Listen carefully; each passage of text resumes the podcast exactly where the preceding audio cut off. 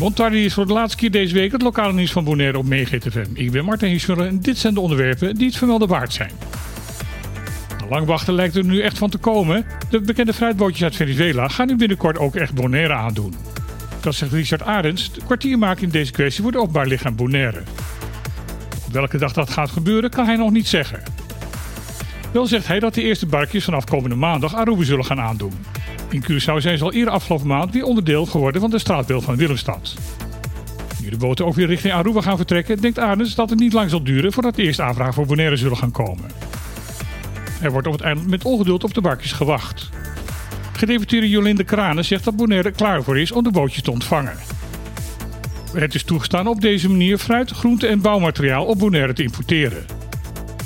Volgens wil het bestuurscollege op deze manier inspannen om de kosten voor het levensonderhoud te verlagen. Gisteren heeft de Rijksoverheid een zogenaamd voorontwerp ruimtelijk ontwikkelingsprogramma Caribisch Nederland gepresenteerd.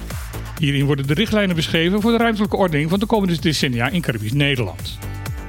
Onderwerpen die erbij aan de orde komen zijn onder andere de duurzame ontwikkeling van de eilanden, toekomstbestendige woningbouw en het stimuleren van hernieuwbare energie. Het ontwikkelingsprogramma is niet bedoeld om alle ontwikkelingen en projecten op de verschillende eilanden te benoemen. Is meer een raamwerk van regels, afspraken, verwachtingen en vastgelegd beleid waar de verschillende eilandsbesturen hun eigen beleid per eiland op kunnen gaan baseren. Ook worden in het programma verschillende uitdagingen genoemd die de komende decennia een rol gaan spelen. Daarbij kan gedacht worden aan bevolkingsgroei, vergrijzing, woningbouw, klimaatsverandering en verlies aan natuur en biodiversiteit. Ook wordt er benoemd dat in verband met de klimaatsveranderingen goed waterbeheer van levensbelang gaat worden voor de eilanden. Het is de bedoeling dat diverse eilandsbesturen, belangengroeperingen en andere stakeholders bij de verschillende bijeenkomsten feedback gaan geven op de nu voorliggende plannen. Dan zal daarna voor het eind van dit jaar het ruimtelijk ontwikkelingsprogramma Caribisch Nederland definitief worden vastgesteld. Na jarenlang taalgetrek, geheimzinnigheid, ontkennen en drie door de Rijksoverheid verloren rechtszaken is het eindelijk zover.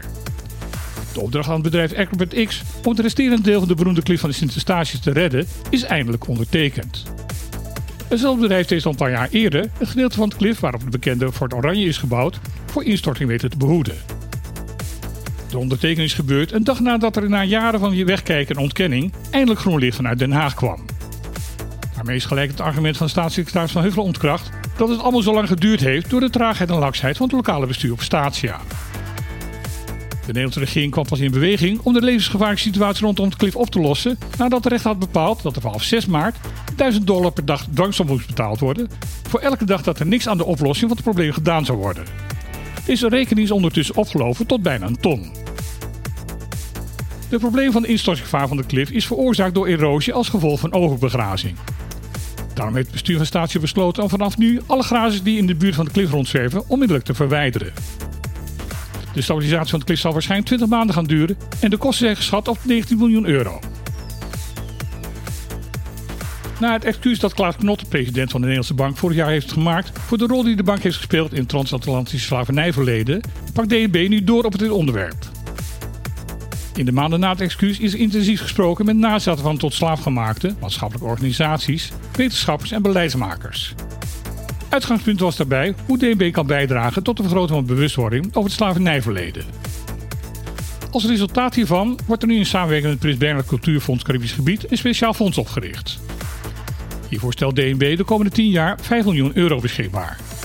Hiermee gaan kleinere lokale initiatieven gesteund worden die potentieel kunnen bijdragen aan de verbetering van de leefomstandigheden van nabestaanden.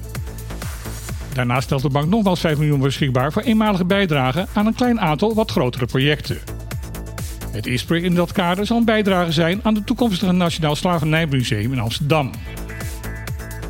Dit was weer het laatste lokale nieuws van deze week. Morgen is weer van 12 tot 2 op de clip op deze zender. Wie daar de gasten zijn is nog niet helemaal bekend. Wel dat onze megahit FM-collega De Ruiter onze tafelgast zal zijn. Ga je daarna luisteren? Graag tot morgen. En verder iedereen alvast een fijn weekend gewenst. En in elk geval, tot maandag.